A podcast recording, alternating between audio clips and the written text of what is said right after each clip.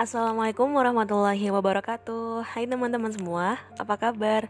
Semoga selalu sehat dan belum sampai tahap bosen ya buat selalu di rumah aja Oh iya, jangan lupa juga untuk saling ngejaga satu sama lain, oke? Okay? Well, di episode kali ini gue mau bahas sesuatu yang sering banget kita lupain Yaitu tentang rasa bersyukur kita terlalu menikmati apa yang kita rasakan sekarang di dunia sampai akhirnya kita lupa siapa zat yang udah ngasih itu semua ke kita secara cuma-cuma. Setiap hela napas yang kita hirup sekarang, mata yang masih bisa melihat, kaki yang masih kuat berjalan, orang tua yang masih sehat, kesempatan buat kuliah atau kerja, dan masih banyak hal yang lain. Kita yang dikaruniai nikmat itu semua kadang masih suka ngeluh sama apa yang kita punya. Contoh konkretnya deh, dengan adanya kuliah online yang diberlakukan karena wabah COVID-19. Kita sebagai mahasiswa suka ngeluh yang sistem belajarnya begini, begitu, nggak enak, ngabisin banyak kuota, tugas yang seabrek-abrek, dan lain-lain.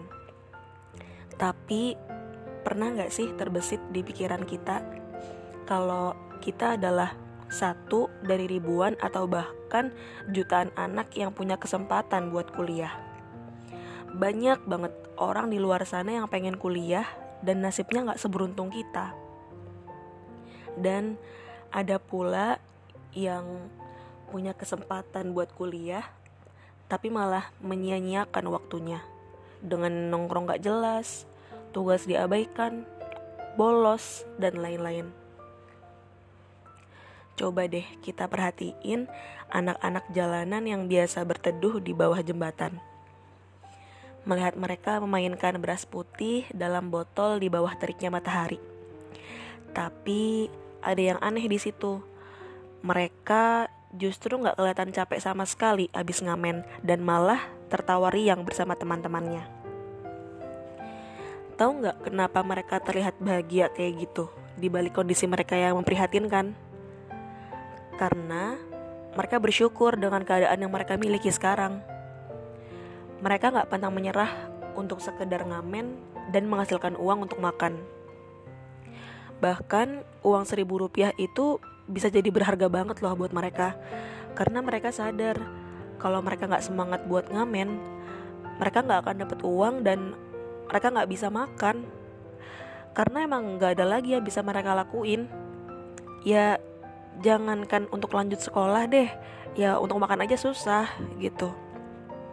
Sedangkan kita yang diberi nikmat buat ngerasain makan enak tiga kali sehari tidur di kasur yang empuk uang yang masih minta orang tua masih aja ngeluh pengen minta lebih.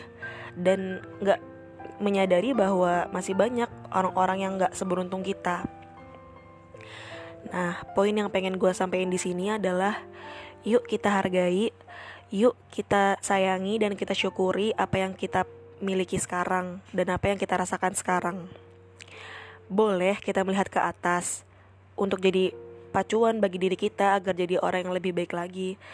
Tapi kalau keterusan lihat ke atas juga gak baik yang ada kita akan semakin jauh dari rasa syukur dan kita malah terus-terusan membanding-bandingkan standar kehidupan kita dengan orang lain.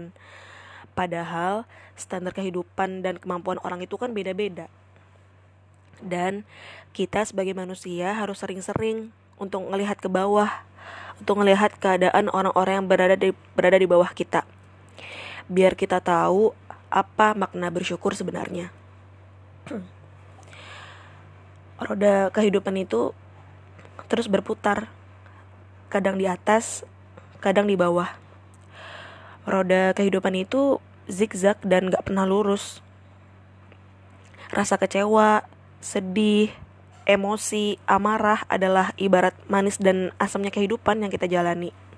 Jadi yuk bersyukur dari sekarang karena dengan bersyukur insya Allah hati kita akan selalu lapang dan tentram. Mungkin sekian dari episode gue kali ini. Uh, sorry kalau suara gue agak serak karena emang nggak tahu nih kenapa suara gue agak aneh hari ini.